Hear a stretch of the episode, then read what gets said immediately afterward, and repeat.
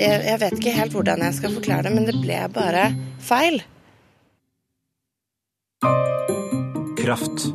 En podkast fra NRK P2 om livet ditt. Silje Hogstad har gjort det mange ganger. Nektet å høre etter inni seg. Etter å ha vært på jobbjakt lenge, fikk hun en fast jobb, og hun sa ja. Hun var fornuftig. Hun hørte ikke på den indre stemmen som hvisket nei, nei, nei. Men etter at hun startet i jobben, så begynte den indre stemmen å skrike til henne. Nei, nei, nei.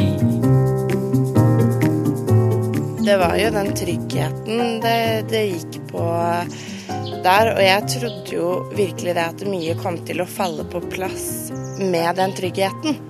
Og så viste det seg at ja, men det gjorde det jo ikke.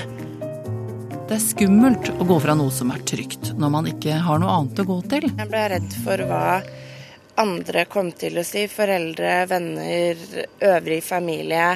Som på en måte ikke var helt på innsiden av meg. da, Og kunne vite hvordan jeg ja, hadde det. For det var jo ikke noe det var jo ikke noe galt med så, jobben sånn sett. Jeg likte kollegaene, jeg syntes firmaet var lovende og alt det der. Men det bare var ikke riktig for meg. Og da var du redd for at de skulle si sånn Å, Silje, nå har hun fått seg en fast jobb, Ja. og så jommen meg så ødelegger hun det. Ja, og jeg fikk Altså, for de som jeg virkelig for, gadd, rett og slett, å forklare det til, for det blir jo mye sånn følelsesmessig når du skal forklare en sånn situasjon. Så heldigvis det viktigste for meg var liksom mine aller nærmeste venner og foreldrene mine, og de bare Nei, men jeg tror faktisk du har gjort det riktig. Og da blei det litt lettere med de som bare Å, herregud, så dum du er. Som går på dagen uten ny jobb og uten noe plan. Men da blir det, da blir det, det valget igjen. Da skal jeg eh, gå på dagen og være fri, holdt jeg på å si, eller skal jeg sitte og ha det kjedelig og kjipt og kjenne på den litt sånn ugne, vonde følelsen om at dette her vil jeg faktisk ikke drive med. Hva følte du da når du slo av PC-en, gikk ut, sa ha det? Når jeg signerte, så var det en utrolig sånn frihetsfølelse. Det var veldig deilig. Det var mye som slapp. Det var deilig samtidig som jeg gikk ut og tenkte bare hva, hva skal jeg gjøre nå, egentlig? Det var skummelt òg. Det var skummelt, og det var ubehagelig, og det var en følelse av lettelse, og det var veldig, veldig mye. Og da hadde jeg jo ikke snakket med noen andre enn sjefene mine om det her heller. Så da var det bare liksom mine helt rå følelser uten, uten noe påvirkning, og det var eh, særlig vanskelig å beskrive nå sånn i etterkant. Men er du stolt over at du klarte å følge din egen indre magefølelse, eller hva vi skal kalle det, og si at dette vil jeg ikke? Ja, faktisk. Det er veldig rart å si det sånn høyt og ikke bare tenke det, men jeg er faktisk litt stolt av at jeg gjorde det, fordi at eh, Jeg tenker at det er jo ikke alle som tør å ta den sjansen. Det er ikke alle som tør å sitte og jeg håper å si, gjøre noe de ikke har lyst til, bare fordi at det, de føler at de må. Å ta det valget, og for, sånn for min egen del, og tenke at da da kommer det sikkert noe bedre. Jeg vet ikke hva det er, men det kommer sikkert noe bedre. Det Ja. Jeg var, er fortsatt stolt, men det er fortsatt litt sånn Ja, skummelt, egentlig. For nå er du i en- limbo, eller? Men Så når jeg spør deg om du er modig, så er det et litt sårbart tidspunkt å spørre om det på akkurat nå? ja, det er det nok. Når noen spør, så må du svare Nei, jeg bare følte at det ikke var riktig. Bla, bla, bla, tenker folk. Hvor mye problemer går an å lage for seg sjøl? Hvor mye går an å rote seg opp i livet? Eh, Jeg har prøvd et par ganger og ikke, ikke gjort det, og det har jo ikke vært bra i det hele tatt. Du blir litt sånn råtten og sur, føler jeg i hvert fall. Og det, det har påvirka livet mitt så negativt tidligere når jeg ikke har gjort det som intensjonen min har sagt har vært riktig. Fordi eh, en del, en del valg som man tar, er jo vonde der og da, og de kan være vonde i ettertid. Og så kan det gå et halvt år, og så finner man, at, finner man ut at ja, men det her var jo det beste.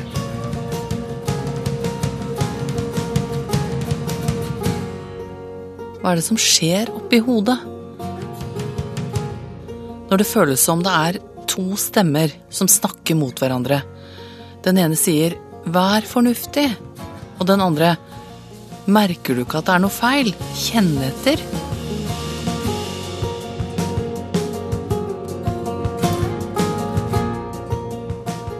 Jeg er på vei til Per Brodal, en anerkjent hjerneforsker og en eh, veldig hyggelig mann.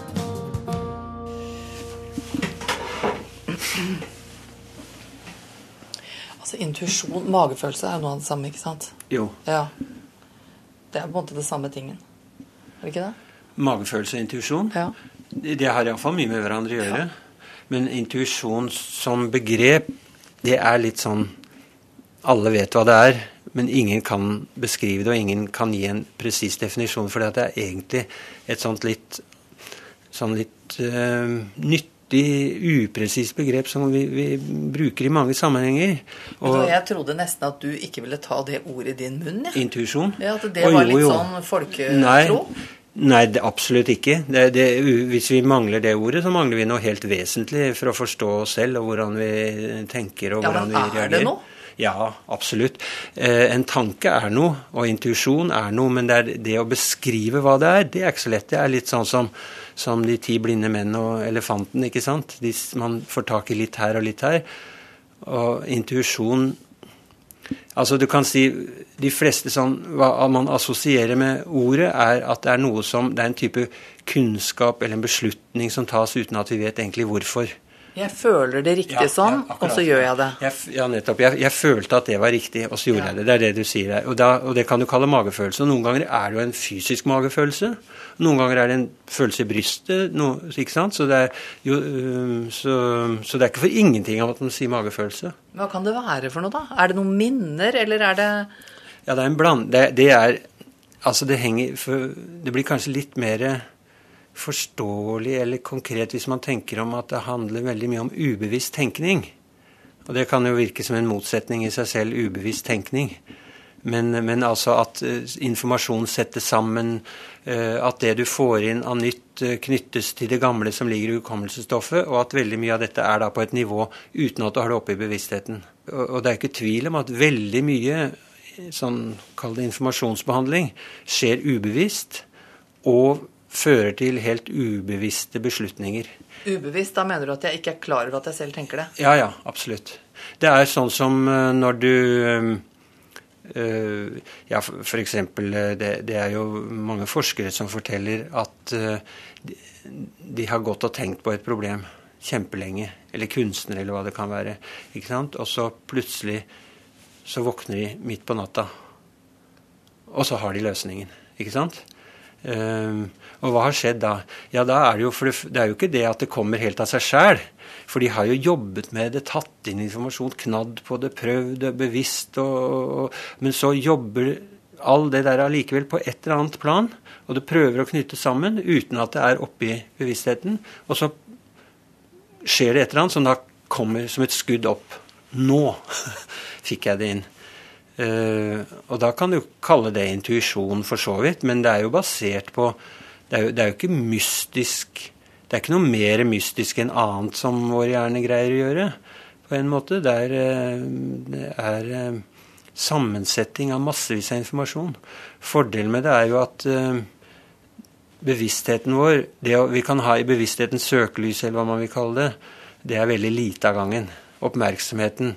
Dette med å ha to tanker i hodet, det er jo bare tull. Man kan jo bare ha én tanke i hodet. Men kvinner er kanskje flinkere til å skifte raskt mellom forskjellige og se flere samtidig. ikke sant? Det er, det er, men ikke samtidig i den forstand at man ser, ser at dette vi, vi greier bare å ha på en måte noen veldig få biter av informasjon samtidig i, i det som kalles arbeidshukommelsen. Uh, og det betyr at det er veldig lite Hvis et problem blir for komplekst, hvis det er for mange sider som skal tas inn, da greier vi ikke å analysere det på en rasjonell måte. Men kan vi stole på intuisjonen? Altså kan vi gjøre valg i forhold til Jeg kjenner at det er riktig for meg å gjøre dette. Mm. Ja, hvorfor det, kan du si til meg. Ja, ja. Nei, jeg vet ikke. Bare, jeg bare føler det sånn. Jeg bare kjenner det sånn. Ja. Kan jeg da gå ut og, og, gjøre det, gjøre store valg kanskje i livet mitt? Bakgrunnen av det derre tullet der? Ja, det, ja, fordi at det tullet der, sier du, men det er jo ikke tull. For det er eh, I mange store valg så er det ufullkomment. Som alt som vi gjør. Men det er sannsynligvis den beste ufullkommenheten enn å bli veldig rasjonell. Eh, faktisk, eh, altså Freud sa jo det at uh, med stor overbevisning, og det er mange andre som har sagt det, at de store, viktige Eh, beslutninger i livet, der må du stole på magefølelsen eller intuisjonen. Fordi at det er så komplekst mange faktorer. Og den der følelsen du har, det er den som forteller deg. Hvis du har en slags følelse av at ja, men denne partneren, uansett hvor masse flott det er, jeg, jeg, jeg føler meg ikke helt trygg, jeg føler meg ikke helt uh, at det er helt riktig, da må du stole på den.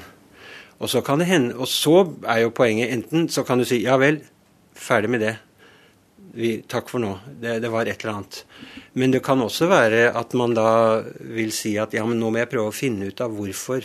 Hvorfor følte jeg sånn, som du var inne på.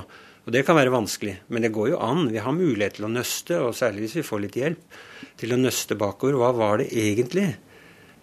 Fordi at det er noe med at hvorfor har vi følelser, hvorfor har vi emosjoner? Jo, det er for å fortelle oss at noe er viktig. Så poenget er jo ikke at magefølelsen er ufeilbarlig. Men den forteller oss at her er det et eller annet som er viktig. det er noe med dette som er viktig. Og hvis den viktigheten er f.eks. kjempestor glede, kjempestor begeistring, så er det en bit. Men hvis det er skepsis, uro, angst, eh, den typen av ting, så er det, så er det et eller annet. Men kan jeg ikke da gå meg helt vill?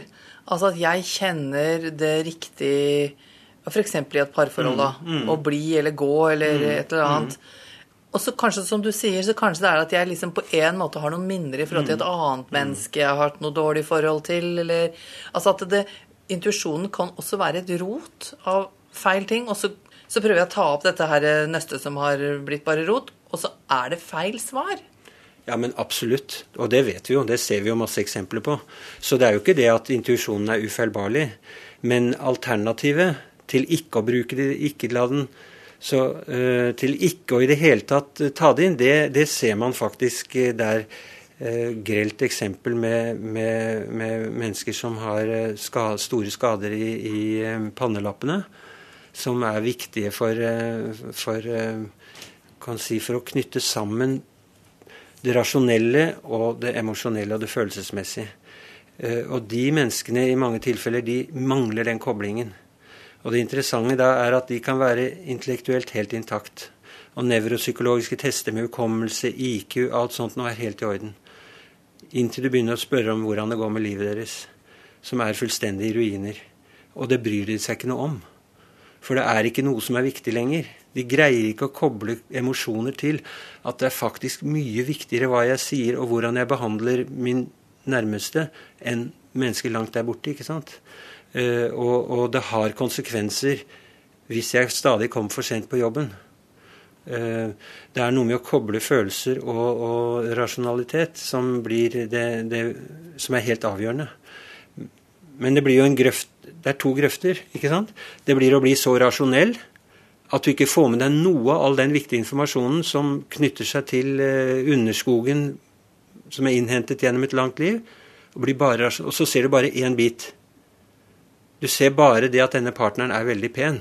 Ikke sant? Det blir, bare, det, blir det eneste viktige. Så overser du alle de andre faresignalene.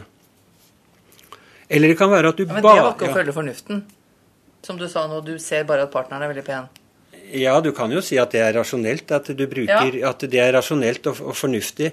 Jeg, jeg, er veldig opptatt av at folk er pene, f.eks. Mm. Og så ser du bare den biten, og så sier du det legger jeg vekt på.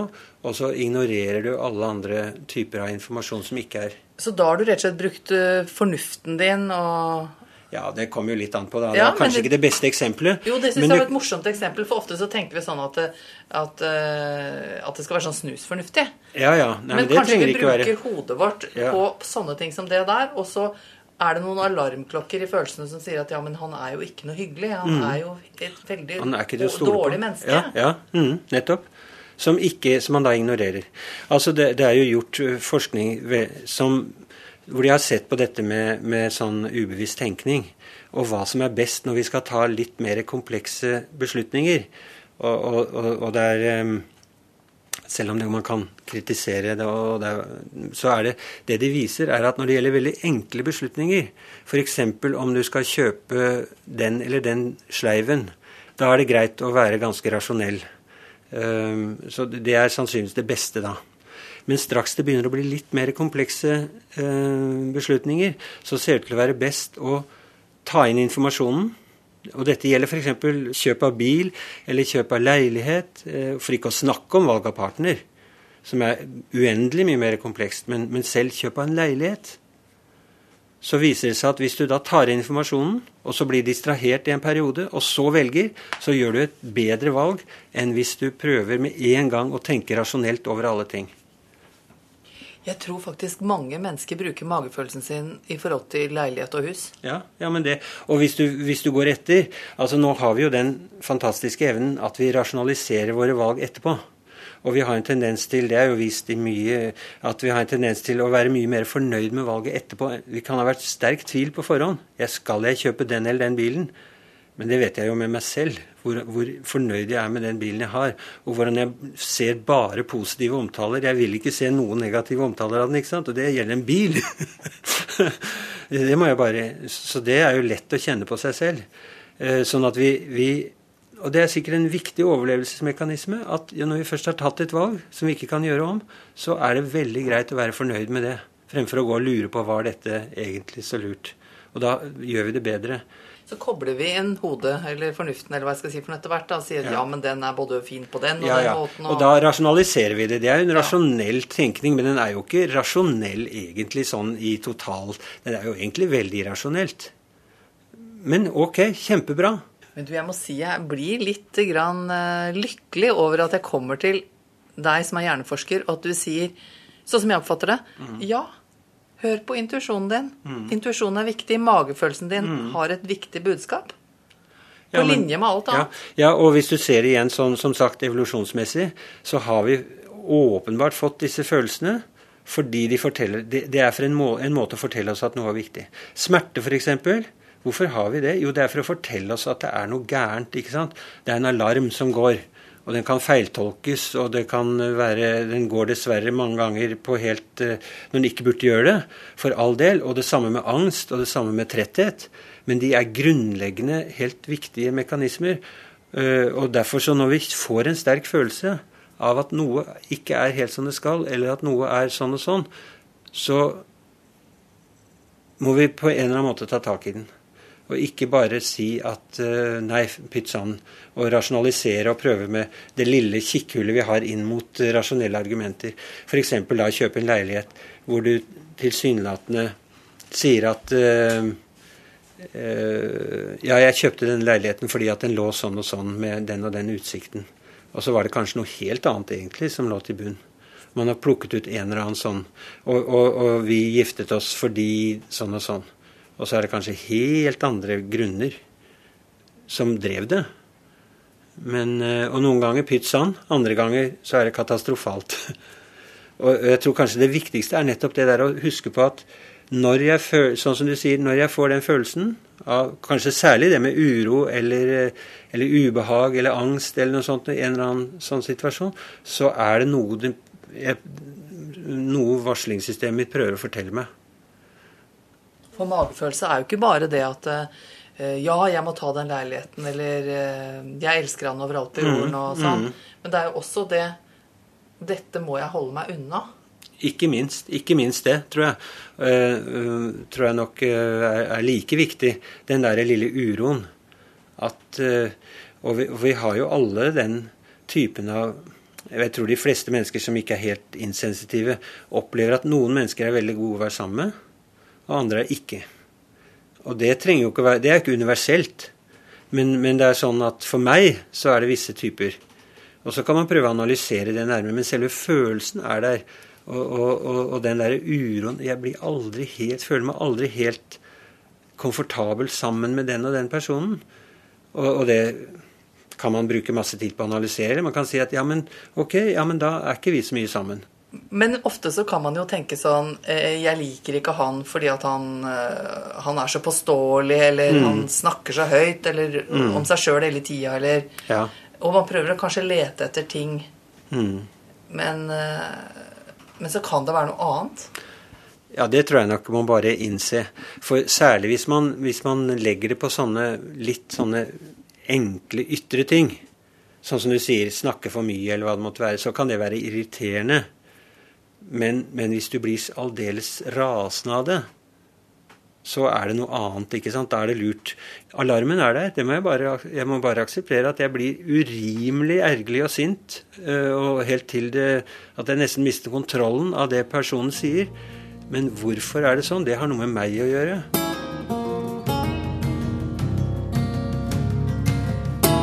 I hvilken grad skal vi følge magefølelsen vår eller intuisjonen vår i sånne helt alminnelige hverdagslige ting som hvor du møter mennesker du ikke kjenner. Mm. Noen ringer på døren, eh, vil vise deg noe, og du skal du slippe dem inn i gangen. ikke mm. sant? Mm. Har du tillit, osv. Hvor mye skal du følge din egen magefølelse med fremmede?